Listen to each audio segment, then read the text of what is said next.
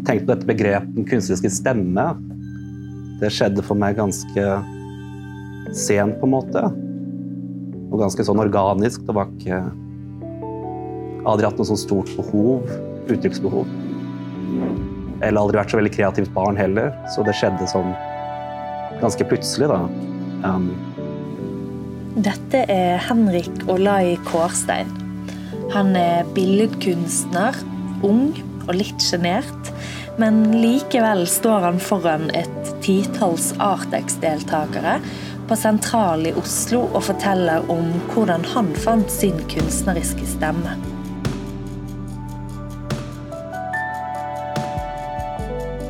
Jeg heter Henrik Olai Kårstein. Eh, Jeg er utdannet fra Olav film- og kunstfagskole.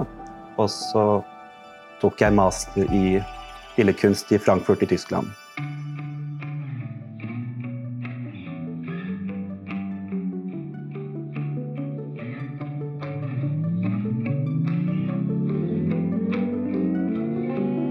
Ja, når jeg var yngre, så ville jeg vel ikke uttrykke meg i det hele tatt. Kanskje bare ikke bli sett. Tror jeg. Sånn som å klippe håret eller kjøpe nye klær. Det gjorde jeg alltid på starten av en ferie. Så at jeg slapp å komme på skolen og folk kommenterte Oi, har du klippet håret? Oi, har du fått ny bukse? Um, bare sånne småting bare hatet jeg. da. Så at jeg ble billedkunstner og liker å vise meg fram på den måten, er noe helt litt unaturlig for meg, tror jeg. Um, Da Henrik gikk på videregående, fikk han seg en kunstnerisk kjæreste. Han ble introdusert for en ny, spennende verden hvor alt var nytt og åpent. Et sted hvor folk kunne være seg sjøl. jeg var jo ung og veldig teit, men samtidig så var jeg liksom et sånt ganske voksent, litt sånn hipt miljø. da. Og jeg ble veldig naivt sjarmert av det at Oi, disse kaller seg selv kunstnere uten å unnskylde seg og um, er ganske egenrådige. Så da søkte jeg på Nordland film- og kunstfagskole, ikke som med et mål om å bli billedkunstner, men bare få gjøre hva jeg vil da et år, Uh, uten så mye krav. Det var ganske skolelei, så det er noe teoretisk var ganske uaktuelt, da følte jeg. Så bare skjedde ganske organisk. Kom inn på Kunsthøgskolen i Frankfurt, som er kjent for å være en ganske liten internasjonal skole, så det er få elever, få ansatte, og den meste av tiden er egen atelierproduksjon. Det er lite veiledning. Alle professorene er Det er kanskje fire dager i måneden, så da møter man Det er liksom obligatorisk da. Jeg måtte ha kurs osv., men det var tre verkstedkurs, to teorikurs, fordelt på fem år for å få en mastergrad, så var det ikke akkurat så mye jeg måtte gjøre.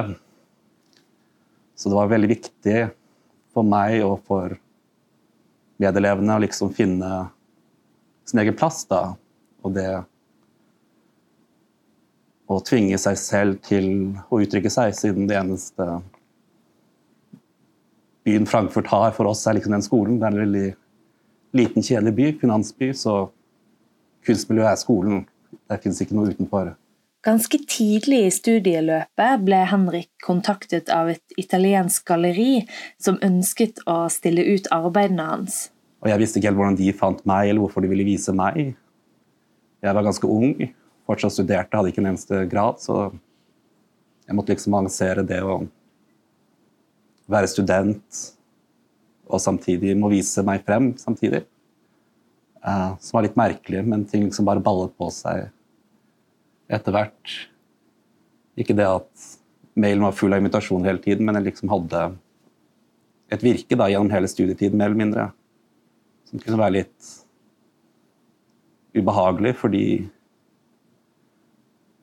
jeg ville ikke vise meg frem, på en måte. Eller jeg syntes det var behagelig at jeg fikk muligheter mine medelever ikke fikk. At jeg reiste utlandet og viste av det solutstillinger. og så At det er en ting jeg tenker på nå når jeg er ferdig, at det var kanskje litt for tidlig.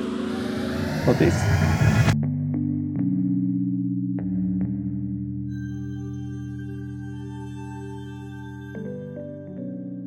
Henrik kaller seg sjøl maler og billedkunstner, men han bruker sjelden pensel og aldri lerret. Det blir sånn objektfetisjering, da.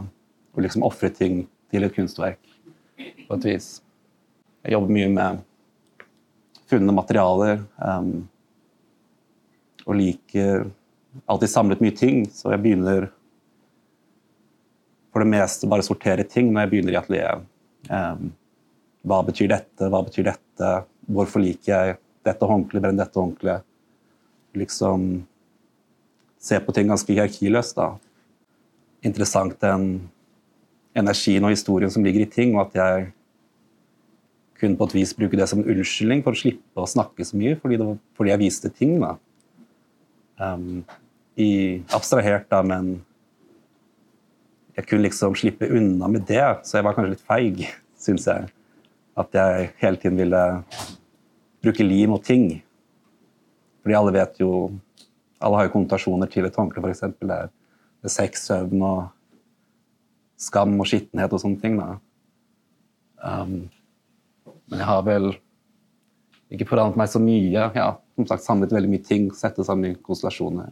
Hvert år arrangerte skolen i Frankfurt åpent atelier.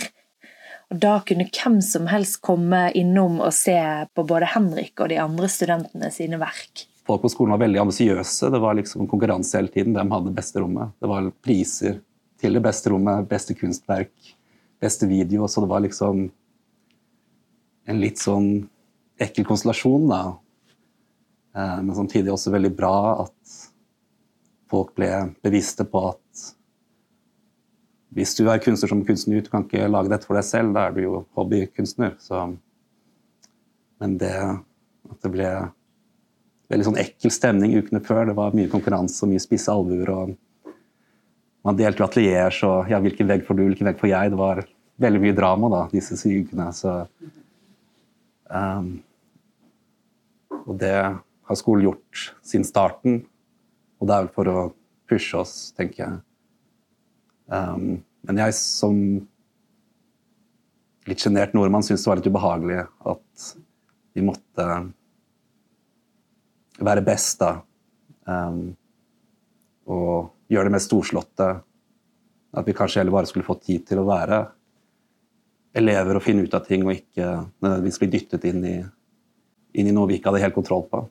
Det er flere år siden Henrik gikk ut fra skolen i Frankfurt, og har etter hvert funnet en stemme gjennom kunsten sin. Og da har jeg begynt å tenke nå, hvis jeg ikke malte på ting og på lerret, ville folk likt det da? eh, om det i seg selv at jeg bruker disse formene som gjør at folk er interesserte. Så jeg kaller meg jo maler, men lerret har jeg aldri brukt. Så jeg lurer kanskje på om jeg skal forsøke det en gang og se om det er noe i det hele tatt jeg klarer. Um, jeg har alltid vært litt redd for å kalle meg selv maler, fordi jeg gikk i en klasse som ikke var maleriklasse, men det var helt bare billedkunst. Og der ble maleri litt sett ned på. Det var ikke samme samtale om maleri som det viktigste uttrykksformen. Det var mer fritt, og det å være en maler var kanskje å være en produsent. Man lagde objekter, man lagde mer eller mindre salgbare ting. Da. Så hvis man ikke var konseptkunstner i den klassen eller gjorde noe viktig og involverende, så var man en produsent av objekter.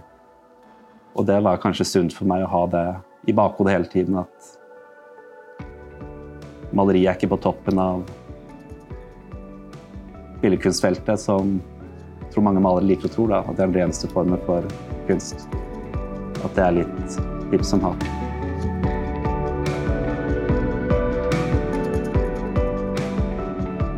Denne podkasten er laget av Talent Norge, og reporter det var meg, Hilde Krohn Leinebø.